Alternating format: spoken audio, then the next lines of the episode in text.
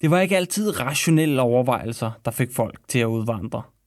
Tanken om gratis landbrugsjord eller bedre jobmuligheder. Nej, for nogen var det meget mere personlige ting, som fik dem til at starte på en frisk i Amerika. Jacob Ries blev en utrolig vigtig og velanset borger i USA. Og især i New York City, hvor han tilbragte størstedelen af sit amerikanske liv. Han gik passioneret til kamp mod byens umenneskelige slum og blev fremhævet som en ideel amerikaner af selveste præsident Theodore Roosevelt. Og den succeshistorie startede med noget så simpelt og jordnært som ulykkelig kærlighed. Han kunne ikke få sin store kærlighed, Elisabeth, så han måtte væk. Ikke bare fra barndomsbyen Ribe, men fra Danmark i det hele taget. Men Jakob glemte hende aldrig. Hun forblev i hans tanker og blev faktisk en motivationsfaktor for ham. For hvis han bare kunne blive en succes i USA, og dermed bevis for folkene hjemme i Ribe, at han faktisk duede til noget, ville han garanteret endelig få sin elskede Elisabeth. Og nogle gange blev den amerikanske drøm jo rent faktisk til virkelighed. Men det var lige ved at gå helt galt for Jakob og hans drømme. Et par gange. Mit navn er Nick Kofod Mogensen. Jeg er jeres vært, og det her er dem, der rejste ud. Episode 9. Jakob Ries. Den ideelle amerikaner.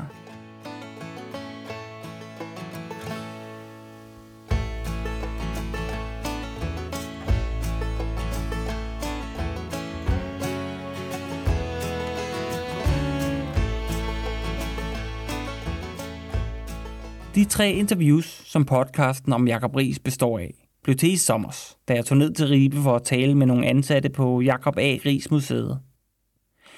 Fordi historien om Jakob Ries er så fascinerende, så fik vi talt om mange ting, og optagelserne blev nok lidt lange.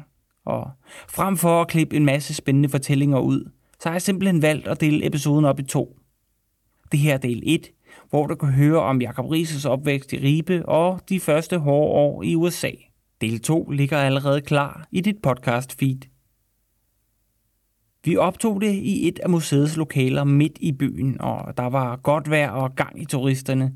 Så jeg skal på forhånd undskylde, hvis der er lidt støj og dårlig lyd af og til. Jeg satte mig først ned sammen med museumsinspektør Mikkel Kirkedal Nielsen for at snakke om Jakob Rises barndom i Ribe.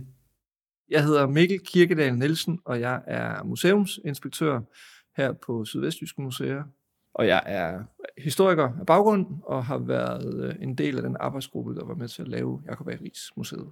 Jakob Ries blev født i 1849 i Ribe. Hvad var Ribe for en by i 1849? I 1849, der var Ribe en lidt tilbagestående lille provinsby, som stadigvæk øh, emmede af fordums øh, storhed, lidt ligesom den gør i dag. Turismen var selvfølgelig ikke lige så udpræget, som den er i dag. I 1849 er Ribe også en del af en konflikt. Vi har den slesvigske krig, og faktisk bare 26 dage gammel, der bliver Jakob borget af sin mor ud af byen, der flygter, fordi der er forlydende om, at øh, prøjserne de vil til at, at øh, besætte Ribe igen. Så det er en by, der ligger langt ude på landet, har en rigtig flot bygningsmasse med flere hundrede år gamle bindingsværkshuse og en stor domkirke, så der er en stor selvfølelse i den her lille by, men øh, der er ikke en stor velstand. Hvad var det for en familie, Jakob Ries blev født ind i? Jakob A. Ries blev født ind i en familie, som ja, efter datidens forhold jo egentlig var en relativt velstillet familie, og så alligevel ikke datidens familieforhold fordrede jo ligesom, at øh, det primært var manden, der var forsørgeren, og moren, der går hjemme og passer hjemmet. Og faren, Niels Edvard, han var latinskolelærer, det vi i dag vil kalde øh, gymnasielærer. Og han var af den gamle skole, der sagde, at når man havde givet en uvogn unge en tur med riset, så følte man sig helt, øh, helt renset. Øh, så han var rimelig nidkær omkring, at øh, man skulle gøre sit arbejde ordentligt, og at det ville få konsekvenser, hvis man ikke gjorde det. Familien var flyttet til Ribe fra Helsingør i 1846, altså nogle år inden Jakob bliver født, og øh, har, da Jakob bliver født, bolig i på latinskolen, øh, den gamle katedralskoles placering op ved Ribe Domkirke. Jakob er tredje barn i en børneflok, som efter vores tids målstok nok må betegnes som ret stor. Øh, inklusive børn, der bliver dødfødte og dør, så, øh, så har han en søskendeflok på, på øh, er han en del af en søskendeflok på 14. Så det er mange mennesker, der skal brødfødes, og, øh, og det er, kan være svært at få trods alt en latinskolelærer løn til at, at slå til. Så hvad kan man sige, social statusmæssigt har de måske ikke været super lavt stillet, men de var alligevel ikke lige frem en, uh, en rig familie. Det er korrekt. Socialt, so, den sociale status har været ret høj. Øhm, Udover at være latinskolelærer, så er faren også i en periode øh, ansat som en form for redaktør på Ribe Stiftstidende, den lokale øh, avisudgivelse, øh, og har derfor haft dels i kraft af sin, sin underviserstatus, men også i kraft af, af den her avispost, haft en ret høj social status og også et, et relativt stort øh, netværk. Men det er klart, der har været mange måneder med det, og pengene har, har til tider været, været hvad hedder det, vanskelige at få til at, at slå til. Øhm, det betyder også, fordi den her familie vokser så meget, så da Jakob han er en 5-6 år, så flytter han ind i, øh, i en lejet bolig, som er ejet af den lokale købmand J.H. Kvittens øh, i Sortebrødregade, øh, den gade, hvor vi sidder og snakker i lige nu, og hvor øh, museet også er blevet indrettet. Hvis man besøger det hus, så kan man godt se, at en så stor søskendeflok, det er også pladsmæssigt er lidt af en udfordring. Nu sagde du inklusiv børn, der var dødfødte og så videre, og der var jo selvfølgelig en større generel dødelighed og børnedødelighed og så videre. Hvor mange overlever, så at sige? Jamen, ud af den her kæmpe søskendeflok, så kan man sige, der er en del børn, der dør i forbindelse med eller umiddelbart efter fødslen, så er der nogen, der bliver øh, nogle år, og så er der nogen, der næsten er oppe i det, vi i dag vil øh, kalde voksenalderen. Men, øh, men Jakob når en alderdom, bliver de her nogen og 60 år, og øh, han har en søster og en plejesøster, som egentlig er hans genetiske kusine, og det er de eneste tre ud af den her store søskendeflok, der når øh, alderdommen. Dødsfaldene de skyldes overvejende tuberkulose, som var et stort problem i, øh, det, på det her tidspunkt. Vi har dårlig vandforsyning og, og en stor smitte af tuberkulose, som også kommer gennem mælken. Men der er også tragiske dødsfald, som for eksempel da Theodor han drukner i åen, da Jakob er, jeg tror han er 11 år, og det er en fortælling, der, der sidder i, øh, i familien øh, resten af livet, og er en stor, stor tragedie. Ja. Og de mange dødsfald, er det også noget, som på en måde sidder i, i familien enten som en tragedie, eller som en følelse af, hvad ved jeg, forbandelse eller noget? Fordi man var jo måske mere vant til, at børn døde, men derfor har det jo stadig været, været trist, når det skete. Det har været rigtig trist, når det skete, og det er noget, der følger Jakob A. Ries resten af hans liv, at øh, de her mange søskende, de falder bort. Man skal forestille sig, at på et tidspunkt, der har han måske otte altså der har været liv og glade dage i hjemmet, fordi der har han haft otte søskende omkring sig på et eller andet tidspunkt. Øh, og, og se så mange mennesker i ens familie falde bort så tidligt, det, det kan ikke undgå at sætte præg på en. Han betegnede selv øh, sit barndomshjem som et forgiftet gammelt hus. Det hentyder især til de her mange tuberkulose dødsfald. Øhm, men der er heller ingen tvivl om, at, at det, hvad hedder det, er noget, der påvirker ham i hans sociale virke. Da han kommer til USA, kæmper han også mod tuberkulosen. Han, øh, han lader sig også inspirere af de øh, danske julemærker, som jo bliver opfundet i 1904, øh, og som netop gik ud på at samle penge ind til bekæmpelsen af tuberkulosen. dem lader han så også inspirere af og fortæller amerikanerne om, og amerikanerne får faktisk noget tilsvarende øh, nogle år senere. Han var jo søn af en latinskolelærer, en streng en af slagsen. Og Jakob var, blev senere en mand, som i høj grad levede af at øh, skrive. Så skulle man øh, tro, at han har været en glimrende elev. Øh, hvordan klarede han sig i skolen? Jakob klarede sig fantastisk skidt i skolen. Hans far sagde om ham, at det var den af hans øh, børn, der havde det skarpeste hoved.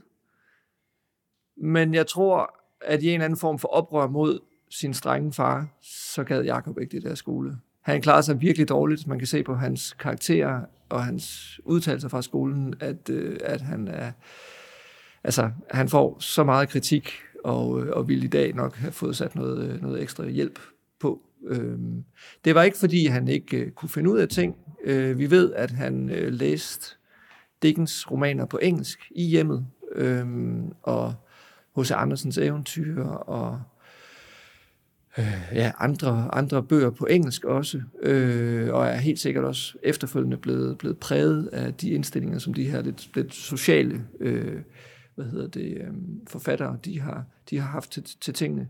Men, øh, men skolearbejdet, det sagde ham ingenting, og han har sikkert også haft alt for meget krudt bag i til at, at for alvor sidde stille. Hans far var rigtig, rigtig skuffet over ham, og det bare præg livet igennem. Selv som voksen blev han rettet, når han stolt sendte, sendte hvad hedder det, øh, hvad hedder det, eksempler på, på de aviser, han havde været med til at lave hjem, og hans, hans øh, debutbog øh, fik han også at vide, at, øh, at der var altså lidt på fejl her og der. Ja, det hårdt at han øh, en lærerfar. Det er det. Især når spanskrødet så også sidder løst. Ja. ja. Var det noget, som øh, Jakob Ries blev påvirket af, enten noget, han decideret skriver, eller noget, man må lidt kan læse ud af det? Begge dele, vil jeg sige. Øh, man kan læse ud af, af de gerninger, han foretager sig i USA, øh, men man kan også læse i hans erindringer og beskrivelsen af den gamle by Ribe, at, øh, at øh, det er en streng far, og, øh, og man kan godt gribe tingene anderledes an. På et tidspunkt som omkring 15 år, så får han for alvor et øh, godt øje til hende her Elisabeth, som er plejedatter af, af, af den rigeste mand i Ribe en mand eller en dreng som, som Jakob og en pige som Elisabeth. Nu, nu virker der ikke til at have været meget øh, interesse fra Elisabeth tilbage mod, mod Jakob i lang tid, men hvis, hvis vi leger med tanken om, at, at de begge to var interesserede i hinanden, kunne, øh, kunne de to have fået, øh, altså, fundet hinanden og sluppet afsted med det? Jakob får som ja, omkring 15-årig øje på, på den her i hvert fald tre år yngre pige, og øh, hun er fra et helt andet socialt lag, end han selv er. Godt nok har Jakobs far et, et øh, fint øh, værv i byen, men Jakob selv gider jo ikke gå i skole, og han er faktisk øh, øh, altså ender jo med at blive øh, tømmerlærling. Øhm, han er nok også kendt som den her meget energiske dreng, der både skyder stager og sådan render rundt og, og har det rigtig sjovt, når, når han ikke har andet at lave. Øhm, så han er nok et knap så oplagt match for sådan en overklasse pige, som, som Elisabeth er. Hun bor hjemme ved sin, øh, sin moster, og så øh, fabrikant Gørt, som er byens ubetinget rigeste, rigeste mand. Øh, og der er en milevid forskel økonomisk set, og også social statusmæssigt øh, på, på de her to. Øhm, det kan man sige, i vores samfund i dag, jamen der er de der skæld noget udvisket, men i en så konservativ by som, som Ribe, der betyder det altså stadigvæk noget, hvem der ligesom finder sammen, og hvilket lag man leder efter en, øh, en kommende livspartner i. Så det er, det er hårde odds fra starten af. Jakob er ikke en mand, som lader sig stoppe. Altså noget, han virker til at have været ja, stedig, når det galt. Ja, han prøver ligesom at, at gøre nogle, nogle forskellige tilnærmelser. Øhm, man kan sige, at nogle gange så, i hvert fald med nutidens øjne, virker det til måske mere at gå... Nu var han selvfølgelig teenager i godsøjen dengang, men nogle gange virker det til at gå måske lidt mere fra en forelskelse til en besættelse. Er der nogen et, sådan indikation på, at de ligesom har, at, har haft en eller anden form for noget forhold, eller er det, det fordi det virker umiddelbart rimelig ens, ensidigt, og derfor kan det måske nogle gange undre lidt, at han ligesom i så mange år holder fast i tanken, ikke? Jo. Altså, de har noget kommunikation med hinanden. Vi skal også tænke på, at Ribe er jo ikke en stor by, så øh, de mennesker, der er unge, de kender hinanden. De færdes også i nogle af de samme sfærer. Der er danseundervisning, det går begge, begge de her unge mennesker til. Øh, Jakob han sørger altid for at vælge Elisabeth.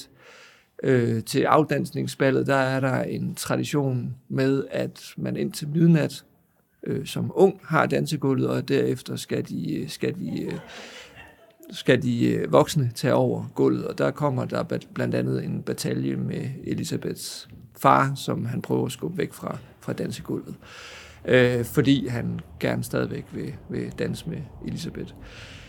Men når man sådan stiller historierne op, så virker det meget ensidigt. De har haft en, øh, en kommunikation med hinanden. Øh, Jakob har især selvfølgelig skrevet breve, og Elisabeth har så sådan næsten per tradition lidt køligt afvist øh, den her meget, meget stærke kærlighed, som Jakob han har udvist. Og jeg er helt enig, at øh, det er en, en voldsom kærlighed, øh, også selvom det er de her unge mennesker, som, som ofte har, har følelserne øh, sådan meget langt ud i, i ekstremerne. Vi kender til historier om, at øh, Jakob beskriver selv, hvordan han møder den her pige for første gang, og ikke kan få hende ud af tankerne efter at have passeret hende på, på en af Ribes øh, små broer. Øh, og senere så sidder han som, som, øh, som håndværker og arbejder, og han er ved at miste både øh, fingre i forbindelse med at slå sig selv over fingrene med hammer og save sig selv i fingeren. Den kunne heldigvis synes på igen, gav ham et, et vejet øh, men. Øh, og det lykkedes ham også på et tidspunkt at falde ned fra, fra en bygning øh, under arbejdet, fordi at, øh, at Elisabeth øh, passerer forbi. Øh, så der er ingen tvivl om, at, øh, at hans følelser har været stærke. Øh, Elisabeth knap så meget. Men hun har også været i en position, hvor hun nemmere har kunnet vælge. Ja, man kan forestille sig, at han måske ikke har været den eneste, at den eneste, som har været interesseret i, I de beskrivelser, vi har af Elisabeth, jamen der er hun jo både smuk, ung og rig, og, øh, og det, det giver hende mange muligheder, og der er mange, der, der beskriver hende som et, øh, et godt parti. I 1869 skriver Jakob et frierbrev til Elisabeth, øh, efter ligesom have ja, gået med hende i tankerne og kommunikeret, at de har begge to været en tur til København, og der, og så ved, der er sket meget. Hun, hun giver en rimelig klar besked tilbage til ham. Men Jakob, jeg vil aldrig kunne elske dig. Næste år tager han mod USA. Tog han afsted, fordi øh, på grund af en ulykkelig forelskelse, eller ligger der måske også mere i det? Det bliver som regel udlagt som en rejse væk fra Ribe, væk fra Danmark, på grund af den her ulykkelige forelskelse. Mit indtryk af Jakob er, at han også kunne være noget impulsiv, og derfor så kan man sagtens se den her rejse over Atlanten som modsvaret på, at nu er der simpelthen ikke mere i Danmark at leve for. Fordi i modsætning til så mange andre af de danskere og europæere, der tager til USA på det her tidspunkt, eller folk fra hele verden, der prøver at søge lykken i USA, jamen så er det ikke, fordi han er udpræget udsat, hverken på arbejdsløshed, fattigdom eller, eller hvad hedder det, dårlige livsvilkår som sådan.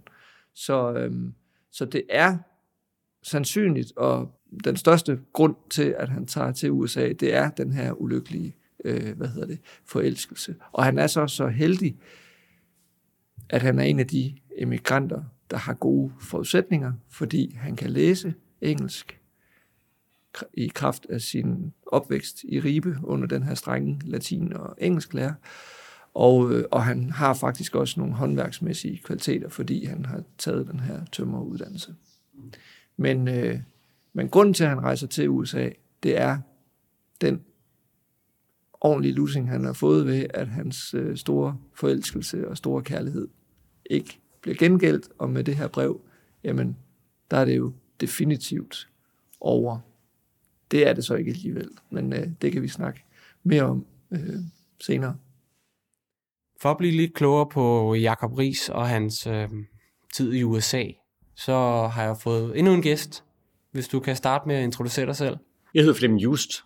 Jeg er direktør for Sydvestjyske Museer, og jeg var initiativtager til Jakob A. Ries Museet, fordi jeg i mange år har været fascineret af det, øh, han har udrettet, og øh, som forsker jeg stadigvæk i ham, og, og jeg, både om hans tid i Ribe, men også i stigende grad om øh, hans forhold øh, og øh, placering i det amerikanske samfund. Ja, og det er så som sagt netop øh, hans tid i USA, som jeg vil snakke med dig om. Lidt firkantet sagt, så tager han øh, til USA, fordi at han bliver knust over, hvad der virker som endeligt og blevet afvist af Elisabeth. Som om, at han tager afsted ligesom for at flygte fra det hele, flygt fra ribe, flygt fra ulykkelig kærlighed osv. Er det også sådan nogenlunde sådan, du forstår det? Det var ulykkelig kærlighed. Og for ren arbejdsmæssigt, så stod han i og for sig i en ret gunstig situation. Han var blevet udlært tømmer i København, og øh, der var rigelig brug for arbejdskraft, faglært arbejdskraft i København, som jo ekspanderede kraftigt. Men øh, han kunne også bare lige være taget en smule nord for Ribe, 30 km nordvest for Ribe. Der skulle man til at anlægge en havn. Den var lige blevet øh, vedtaget ved en lov i 1868, og man skulle så til at begynde at bygge på den i 1870. Der var rigeligt at lave, hvis det var handlet om arbejde. Men det var den forsmåede kærlighed, som gjorde, at han ville ud. Han havde, øh, jeg vil ikke sige måske en udlængsel, men han havde en, øh, han skulle nok vise dem. Han var ikke kun blevet afvist af Elisabeth. Det var altså også nogle sociale klasseskin, som gjorde, at han blev nødt til at vise, at han var gjort af, af noget andet.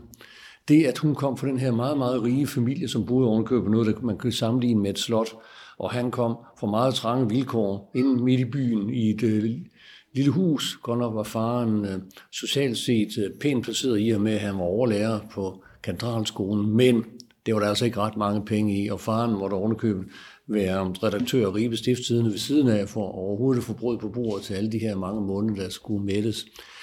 Nej, han skulle vise, at han skulle nok blive til noget, så han kunne komme hjem og få også svigerfamiliens accept af, at øh, selvfølgelig skulle han have Elisabeth. Det troede han vist altid på, at jeg skal nok få fat på hende. Og dengang var det jo øh, sådan, at USA var landet af muligheder. Ikke at man troede på, at det flød med mælk og honning, men øhm, det var trods alt det her mulighederne var. Man kunne jo hele tiden læse beretningerne. Hver eneste øh, dag kunne man se i avisen, øh, hvordan der var store annoncer for at komme med øh, et dammskib til USA og, og prøve lykken der. Så øh, det var en almindelig kendt, at jamen, øh, for unge raske mænd, og det var jo især dem, der tog afsted, der lå mulighederne altså derovre. Og man hørte nok også øh, solskinshistorier om, hvor godt det var gået nogen. Dem, der ikke var gået helt så godt for dem, øh, hørte man måske ikke helt så meget om. Øh, men øh, det var store forhold, hørte man. Og det var det, han ville over og, og vise. Det ville han også kunne udnytte. Og han havde nogle rimelig gode forudsætninger egentlig. Han kunne øh, læse engelsk i hvert fald, og havde en håndværksuddannelse som tømmer og så videre.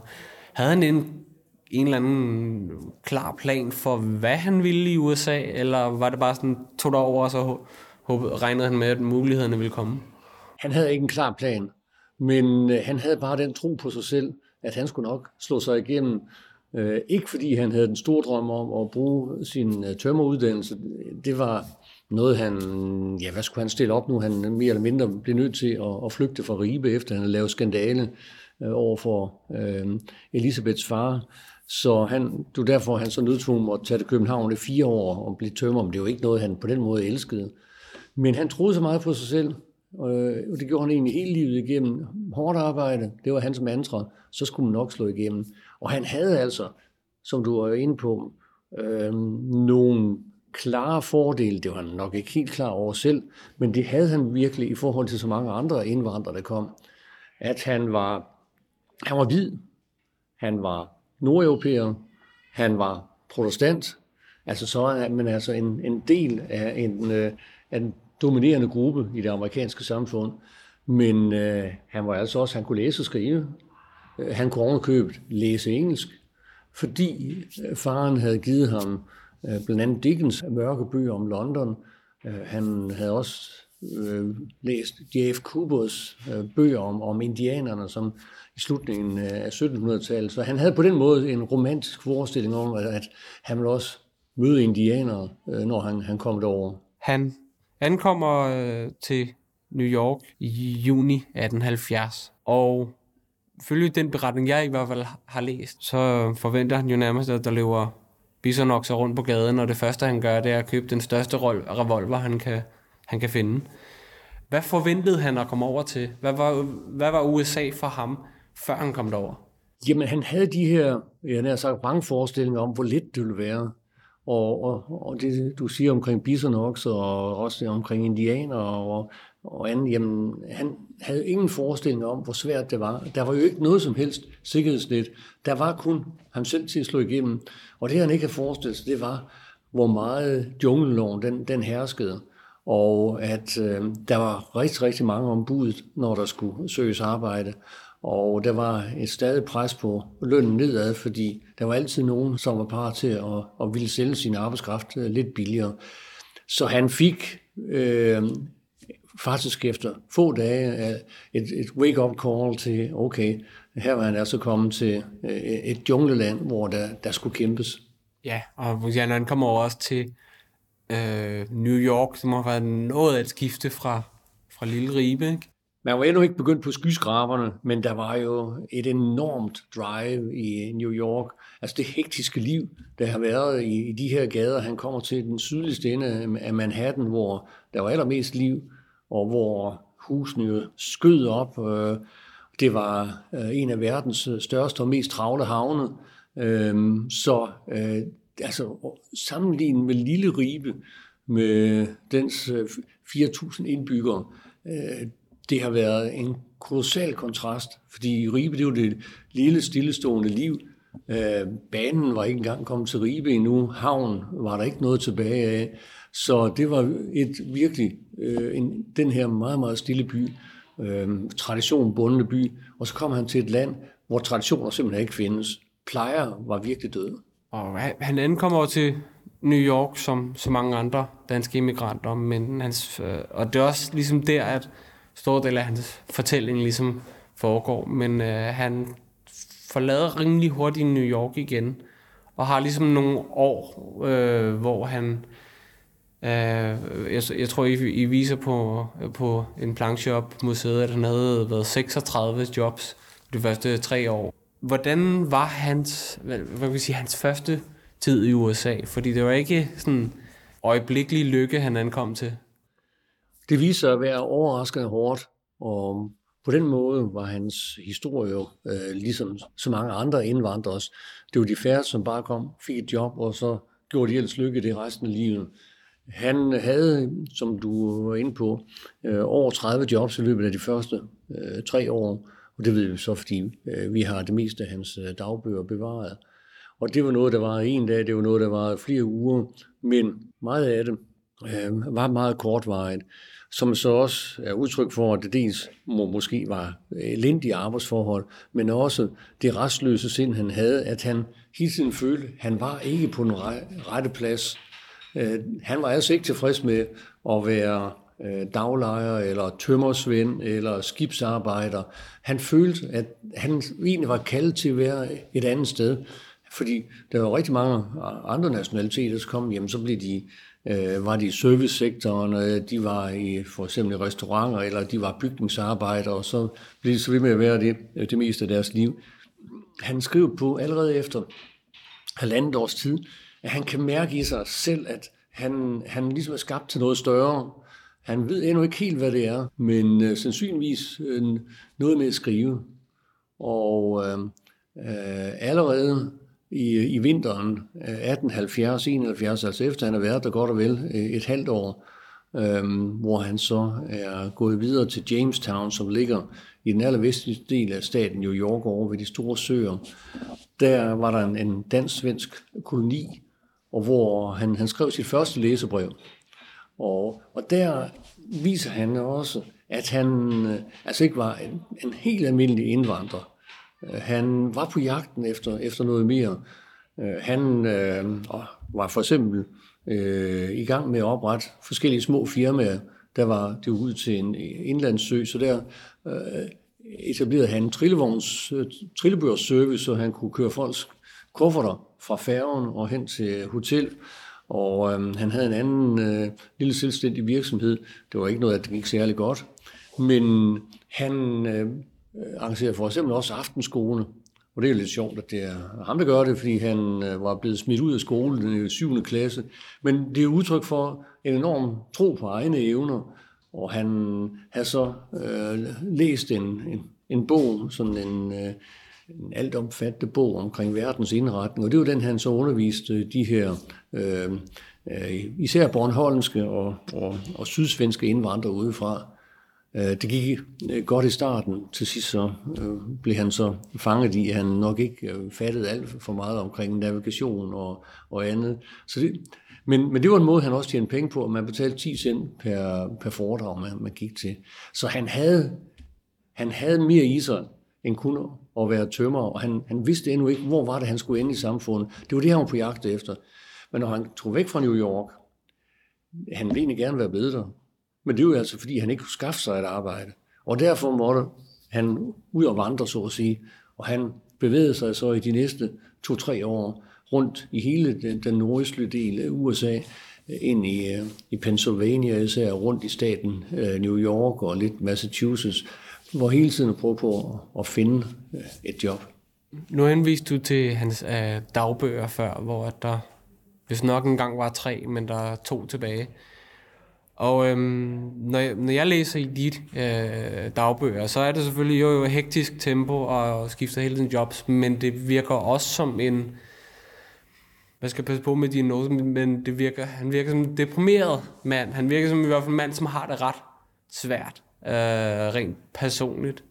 En ting var han ligesom, hvor, hvor meget foretagsom, men hvordan reflekterer han ligesom over, jamen over, hvordan han havde det? Han er på mange måder faktisk en, en ensom mand. Øh, undtagen, da han er i den her periode i Jamestown, hvor han, han møder nogle Bornholmer, øh, brødrene Rønne, øh, som forblev venner resten af livet. Øh, men man mærker ikke, at han derudover indgår i, i mange sociale relationer. På den måde er han alene. Og det er også, fordi han har den her ubændige kærlighed til Elisabeth, som han, han aldrig opgiver, også da hun bliver forlovet og skal giftes med Raymond Baumann. Han bliver ved med at vil tro på, at han kan få hende. Men det må også have givet en, en stor smerte vedvarende, når man nu er så forelsket. Så trods alt at vide, at hun har en anden en, hun er forelsket i, og ovenkøbet øh, skal giftes med.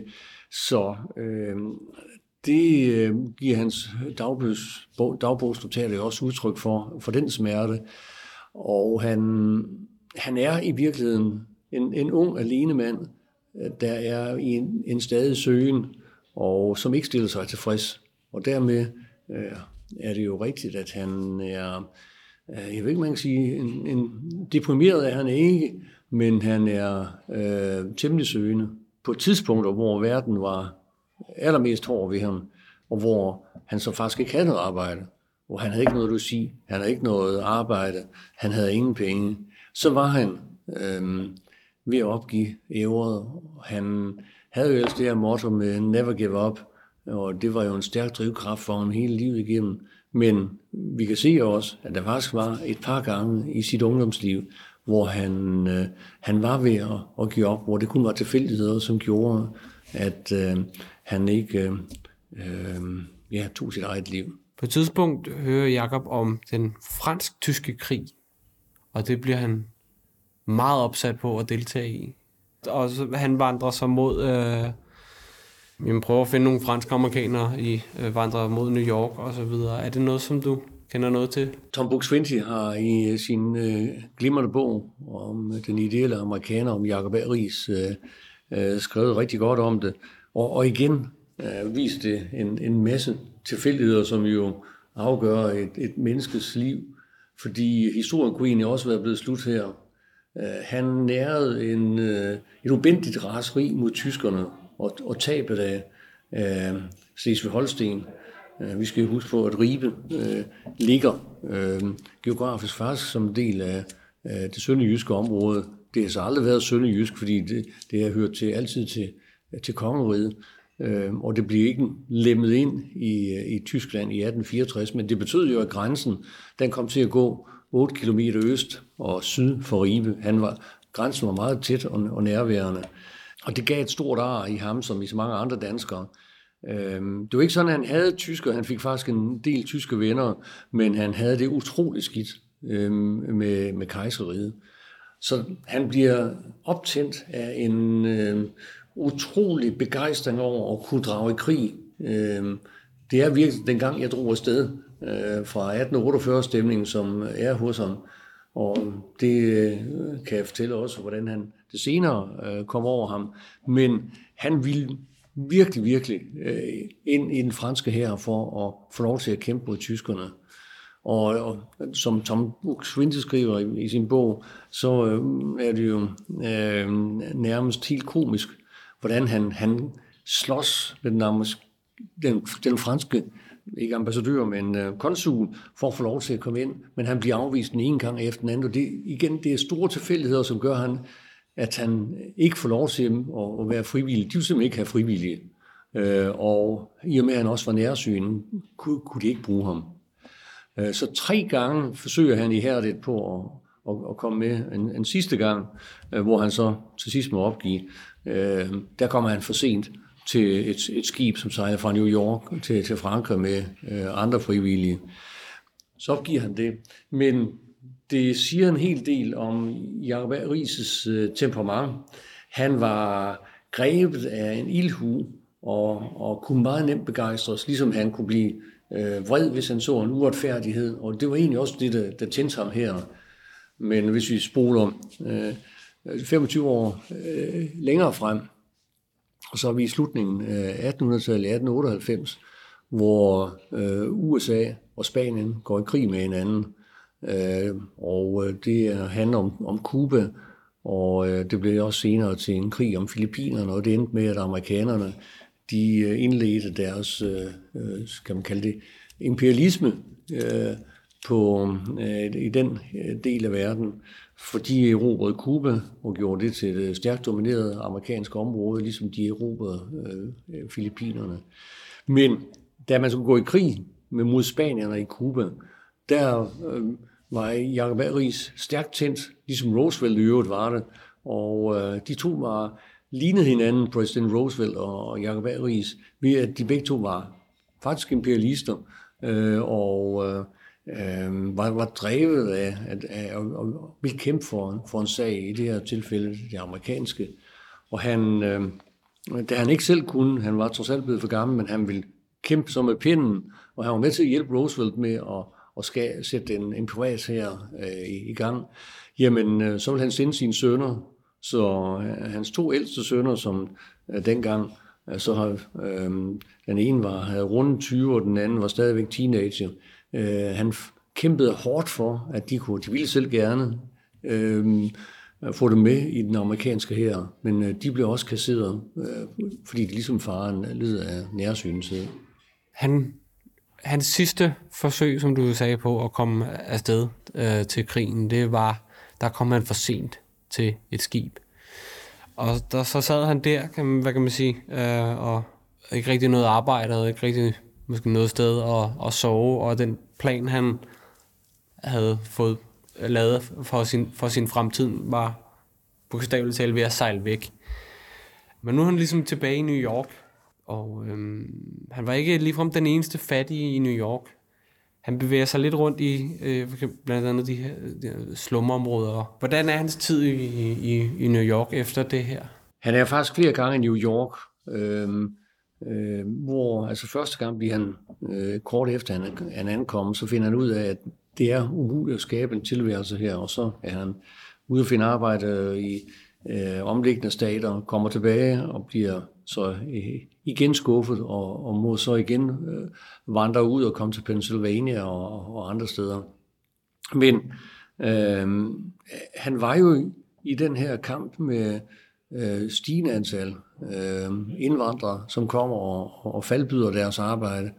Og øh, øh, han måtte jo nødtvunget erkende, at New York, der, der var ingen fremtid for ham der.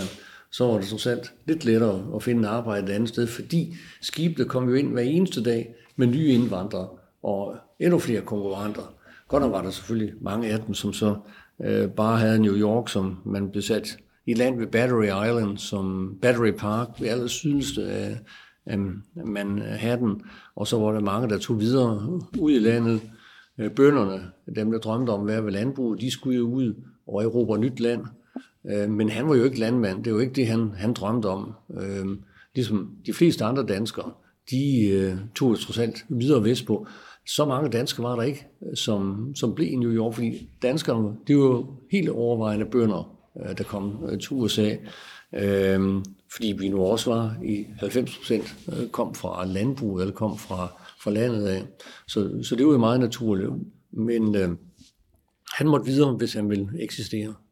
Han har de her frygtelig mange jobs de første par år. Øhm, hvornår er det sådan, første gang, han for alvor ligesom føler for bider sig fast i, i noget, som ligesom, hvad kan man sige, hænger ved, og som har potentiale til noget mere? Det job, han har længst, det er øh, som øh, sælger af strygejern, og hvor han så også øh, er med til at efterhånden at få en, en, en, en del øh, under sig, eller han er så at sige en kommissioneret salg, men øh, han har et salgstalent, men øh, på den anden side, det der også nok var karakteristisk for ham hele livet igennem, det var, at han var ikke specielt dygtig til at øh, alligevel at tjene penge eller, eller holde penge. Han blev aldrig en, en, en rig mand, også fordi da han så trods alt senere fik en, en del penge, så, så brugte han dem øh, også ret mange på filantropi øh, og på sine børn. Men han, øh, han havde en vis succes som øh, strygejernsælger i, i, en, i en periode, men til sidst blev han også øh, grusomt snydt og, og stod så igen efter to og et halvt år øh, på fuldstændig bar bund og havde ikke flere penge, end, end da han øh, startede i 1870, da han kom til Amerika. Men det, der ændrede sig noget, det var, at han øh, efterhånden fandt ud af, hvad der var, der ikke var hans kald. Han, hans kald, det var ikke, han, det var ikke håndens arbejde. Og øh, allerede i øh, 1871, øh, der forsøger han at blive journalist. Øh, han øh, er på det tidspunkt øh, fra Jamestown, går han videre til Buffalo, op ved øh, grænsen til Canada. Og øh, han har en drøm om, at han skal være skribent. Og så han øh, går ind til et, et par øh, aviser der, og bliver nærmest smidt ud. Og øh, man forstår egentlig godt, at redaktørerne ikke helt kunne se, hvad de skulle med den her dansker, som øh, sandsynligvis endnu ikke var perfekt i det skrevne engelske, og livet igennem øh, også øh, talt med en, en ret øh, klar øh, accent. Og øh, øh, han blev afvist på temmelig bestand der, hvad han blev meget vred over. Han havde nemlig også et, et ret stærkt temperament, og havde svært ved at finde sig i et nej. Men øh, der var ligesom ikke noget at gøre.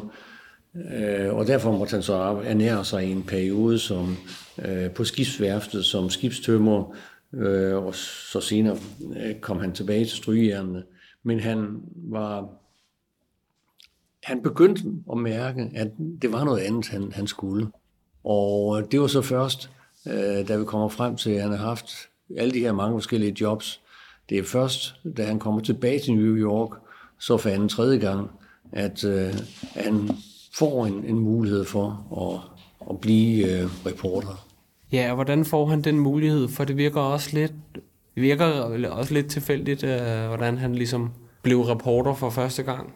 Der skete det, at øh, han øh, i 1873 øh, må sande, at øh, han øh, ikke rigtig kan slå sig igennem som strygejernsælger eller faktisk ved noget som helst andet. Og han kommer øh, lidt forhudlet tilbage til New York. Øh, og på det her tidspunkt, så står det altså også ret klart, at Elisabeth, øh, hun har fået Raymond Baumann, helten fra 1864, øh, fra en gendarm nu, en af Danmarks dygtigste ryttere også. Øh, men hvad skal han så stille op? Så ser han en annonce i en øh, New York-avis, at øh, han kan blive, man kan blive uddannet som telegrafist. Det lyder af, af noget stort, det var den moderne teknologi, man var ved at opdage de forskellige kontinenter, og hele USA var ved at blive bundet sammen. Det var det endnu ikke, men øh, det lød eksotisk og noget, som var måske et ovenkøb af penge i at blive telegrafist. Så han øh, melder sig til Thompsons College som er en, øh, en erhvervsskole, hvor man blandt andet kan lære at blive telegrafist. Den ligger øh, inde ved øh, Union Square omkring øh, Fifth Avenue, og øhm, øh, her øh, betaler han så for at, at gå til halvdagen, og så resten af tiden så øh, tjener han lidt penge ved at, at være bogsælger. Der sker så desværre det, at han, øh, at USA ryger ind i en øh, gigantisk nedtur. Øhm, øh, og det har præget USA med den her benhårde kapitalisme, som man havde, jamen så var det en imellem nogle voldsomme dyk, og den kom så i 1873 med massiv arbejdsløshed øh, til følge, og banker lukkede, jernbaneselskaber gik ned, og, øhm, og det betød jo, at masservis af mennesker øh, blev arbejdsløse. Og øh, der var selvfølgelig ikke nogen, der ville købe hans, øh, de bøger, han forsøgte på at sælge. Og han måtte også opgive så at blive telegrafist, for han havde ingen penge, og til sidst havde han ikke noget job. Og her er der en af tilfældighederne, der kommer. Fordi lige over for den her handelsskole, der ligger Cooper Union, som øh, var et øh, privat universitet og meget velanskrevet. Øhm, her sidder han en aften og øh, han har ikke fået noget at spise i fire dage, øh, øh og han øh, øh, ved simpelthen ikke, hvad han skal stille op. Øh, og så kommer der en mand forbi, og øh, sådan den, den populære hurtige historie, det er, at han siger, øh, hvad laver du her, og jeg har noget arbejde til dig øh, på et, et nyhedsbyrå. Øh, det, der ligger i det, det er, at den her Mr. Thompson, lederen af handelsskolen, han kendte Jacob A. Ries, og det var Mr. Thompson, som øh, nu så Jacob A. Ries øh, sidde der forhudtet på trappen op til øh, universitetet, øh, Cooper Institute. Og han, han havde bemærket, at Jacob A. Ries øh, var der nogle krummer i. Og det var faktisk sådan, at øh, den historie kender vi ikke så meget til, men han havde i øh, 10-12 dage faktisk været ved en, en ugevis, og også skrevet historier. Øh, man forbavs over, hvordan pokker øh, de kunne finde på at ansætte sådan en, en forhudlet øh, øh, dansker, som måske ikke beherskede sproget øh, særlig præcist, men hvordan kunne de finde på at ansætte ham? Det gjorde de. Øh, til gengæld blev han så snydt så vandt det drev, og han fik ingen løn. Så det holdt han op med. Og det har han garanteret fortalt Mr. Thompson, mens han stadigvæk var øh, elev på skolen. Så da Mr. Thompson kom forbi og ser den her unge mand, øh, i den her sørgelige forfatning, så er det, han siger til ham, jeg har en ven, som er leder af et øh, nyhedsbyrå, altså nogen, som øh, skriver historier, og så sælger dem til forskellige aviser. Han mangler en, en, en kvik ung mand. Var det ikke noget for dig? Og det er jo en fantastisk chance. Han, han ville jo gerne skrive. Det havde han jo øh, prøvet på i, også i Buffalo. Og øh, så her har vi begyndelsen til øh, hans senere reporterkarriere. Fordi altså, han møder op næste morgen, han får jobbet, og, øh, og, og det viser sig, at han øh, virkelig har det, som øh, gode reporter har gjort af. Han en enorm ihærdighed og en agerighed, ikke mindst, efter at være den, der kommer øh, med, med de største og de bedste historier. Hvad er det typisk for nogle øh, historier, han, øh, han skriver i på det tid? Mange af dem er petit, hvad vi vil kalde petit journalistik. Øh, små og store begivenheder, som han, han opfanger. Meget af det øh, er så også handler om mor og kriminalitet. Altså det, det var simpelthen godt stof øh, blandt det bedre borgerskab og, og høre om, Øh, de kunne måske sidde trygt og godt i deres hjem, men så at høre om alt det frygtelige, der foregik, og, og det var der afsindig meget af i New York.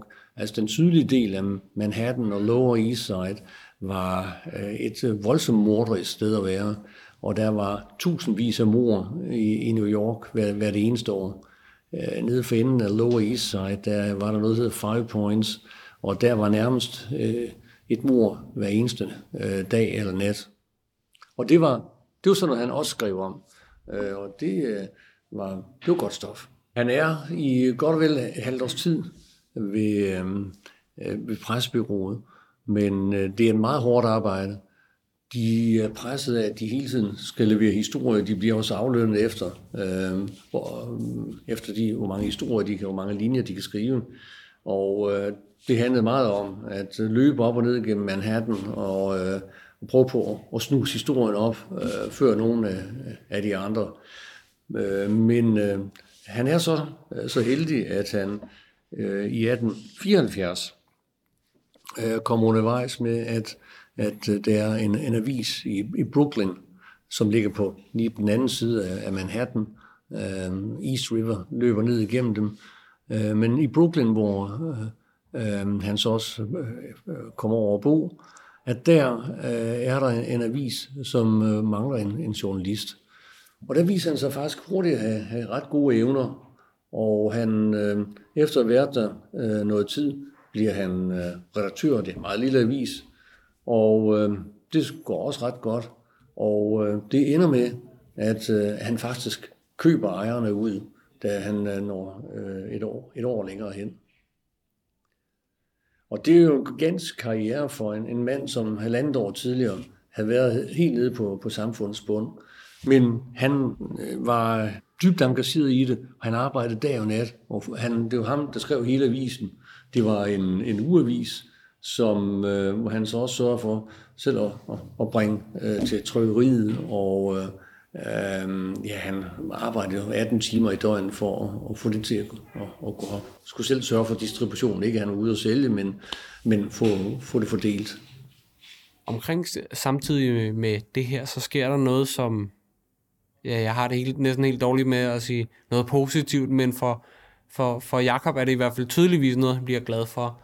Elisabeth havde jo fået den her forlovet, men øhm, det kommer ham for øre, at øh, Elisabeths forlovede er alvorligt syg, og øh, øh, ja, ligger for døden. Og når det så ligesom er, er, er overstået, så, øh, så kommer der en korrespondence mellem øh, Jakob og Elisabeth i virkeligheden. Kan du udfolde den historie lidt? Der skete det, at øh, Jakob Aarhus har jo hele tiden en mail øh, korrespondence med, med forældrene, der underretter ham lidt om, hvordan det går. Han øh, havde faren prøvet på at være meget sparsom med oplysninger omkring øh, Elisabeth og hendes tilkommende. Men i et brev, så øh, for han vil gøre Jakob ked af det. Men øh, det julebrev, han får i øh, 1874, får han øh, to øh, dødbringende meddelelser. For det første får han at vide, at hans øh, storebror ligger for døden øh, ramt af TB-tuberkulose, som var den helt store dræber dengang. Seks af hans brødre dør faktisk af tuberkulose. Øh, en grusom sygdom, og han døde op under jul. Men samtidig skriver faren så også i en ganske, ganske kort, øh, øh Remer Bagmann, Bagmand er død. Forestil dig at få det her julebrev, for at vide, at hans bror er død, eller øh, tæt på, og hans øh, store konkurrent, Raymond Baumann, øh, han er død også. Øh, så det har været selvfølgelig lidt øh, delte følelser, men øh, der er ingen tvivl om, at den følelse, som han først og fremmest havde, det var glæde. Han var, tænk, at nu var vejen til Elisabeth, nu var den åben. Og det, Øh, men han holdt sig i skinnet. Øh, han henvendte sig ikke til hende. Øh, hun var selvfølgelig også i, i, i dyb sorg, så meget øh, pli havde han. Og han skulle også først lige vise, hvad han duede til. Og det var her, øh, det handlede meget om, at øh, han øh, skulle vise, at han øh, havde en, en vis formue. Så han øh, øh, forserede også betalingerne af avisen. Det gik egentlig rimelig godt med avisen. Øh, så på Elisabeths fødselsdag, den øh, 5. juni Øh, 1875, der betalte han det aller sidste afdrag. Nu ejede han en avis. Og øh, det var først derefter, at han så øh, henvendte sig til Elisabeth og, øh, og, og spurgte om øh, mere eller mindre frihed til hende. Og det skulle hun jo lige tænke en hel del over, fordi hun var stadigvæk i, i, i dyb sorg. Øhm, hun var også faktisk blevet smidt ud fra sit eget hjem, fordi forældrene har sagt til hende, at øh, mens bagmand var syg, at øh, nu måtte øh, hun vælge mellem ham eller familien, fordi hun skulle bare være klar over, at når han først nu har haft den sygdom, ville han aldrig nogensinde kunne øh, komme til at, at nære hende på øh, standsmæssig måde, fordi han ville aldrig kunne få sig et, øh, et ordentligt og krævende arbejde. Det er en sygdom, som ville øh, forkrøble øh, resten af hans liv. Hun valgte så kærligheden og, og, og bagmand, og, øh, så hun, men det betyder jo også, at hun havde ikke noget sted at komme hjem til. Så hendes tilværelse var, at hun på det tidspunkt, hvor hun får brev fra Jacob A. Ries, der er hun øh, guvernante på en, øh, en øh, herregård i det sønderjyske, hvor hun øh, skal lære øh, både tage sig af øh, børn, men også lærer dem at spille musik og øh, sprog og, og, og hvad en guvernante nu øh, tager sig til. Øh, og vi skal forstå den ulykkelige situation, hun er i, at hvis hun en ægteskabet var simpelthen en, øh, en garanti for, ikke en garanti, men det er i hvert fald en, en større sikkerhedsstillelse for, at man kunne få et, øh, et noget mere økonomisk sikkert liv. Fordi øh, kvindejobs var der bare ikke mange af, og hvor, øh, hvor, hvor atroværdigt var det at se frem til, at man måske skulle være gammel jomfru eller guvernante øh, resten af sit liv.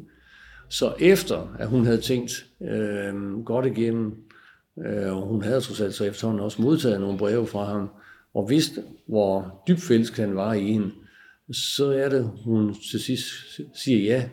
Øh, hun indrømmer, hun elsker ham ikke, men hun er klar over, at han øh, elsker hende dybt, og han vil gøre alt for hende. Og så hun søger simpelthen i sikkerhavn hos en mand, som øh, hun ved vil gøre alt for hende. Og det er øh, igen tilfældighedernes spil, som, øh, hvor appelsinen den øh, i sidste ende faldt ned i Jacob A. Rises turban, men det kunne jo være gået på så mange, mange andre måder. Hvad hvis du, Elisabeth og Raymond Baumann, de har levet lykkeligt til deres dages ende? Ja, der var lang tid, hvor det ikke ligefrem virkede som den som sådan det ville ende, ikke? Absolut. Øh, alt pegede i en modsat retning, og det ville vel også være ind sådan, at, at når øh, han måtte erkende, at øh, hun var gift med, Øh, med Raymond Baumann, efter han fik børn med ham, at så måtte han også ligesom tage det ad notam, og så øh, selv finde en, en, en anden øh, øh, ægtefælle. Men øh, jeg vil sige, at hans dagbøger siger ikke noget som helst om, at øh, han har affærer, og det er måske heller ikke noget, som dengang ville skrive om i sine dagbøger. Men han, øh, øh, han giver i hvert fald indtryk af, at hun er den absolut eneste ene i, i, i hans liv.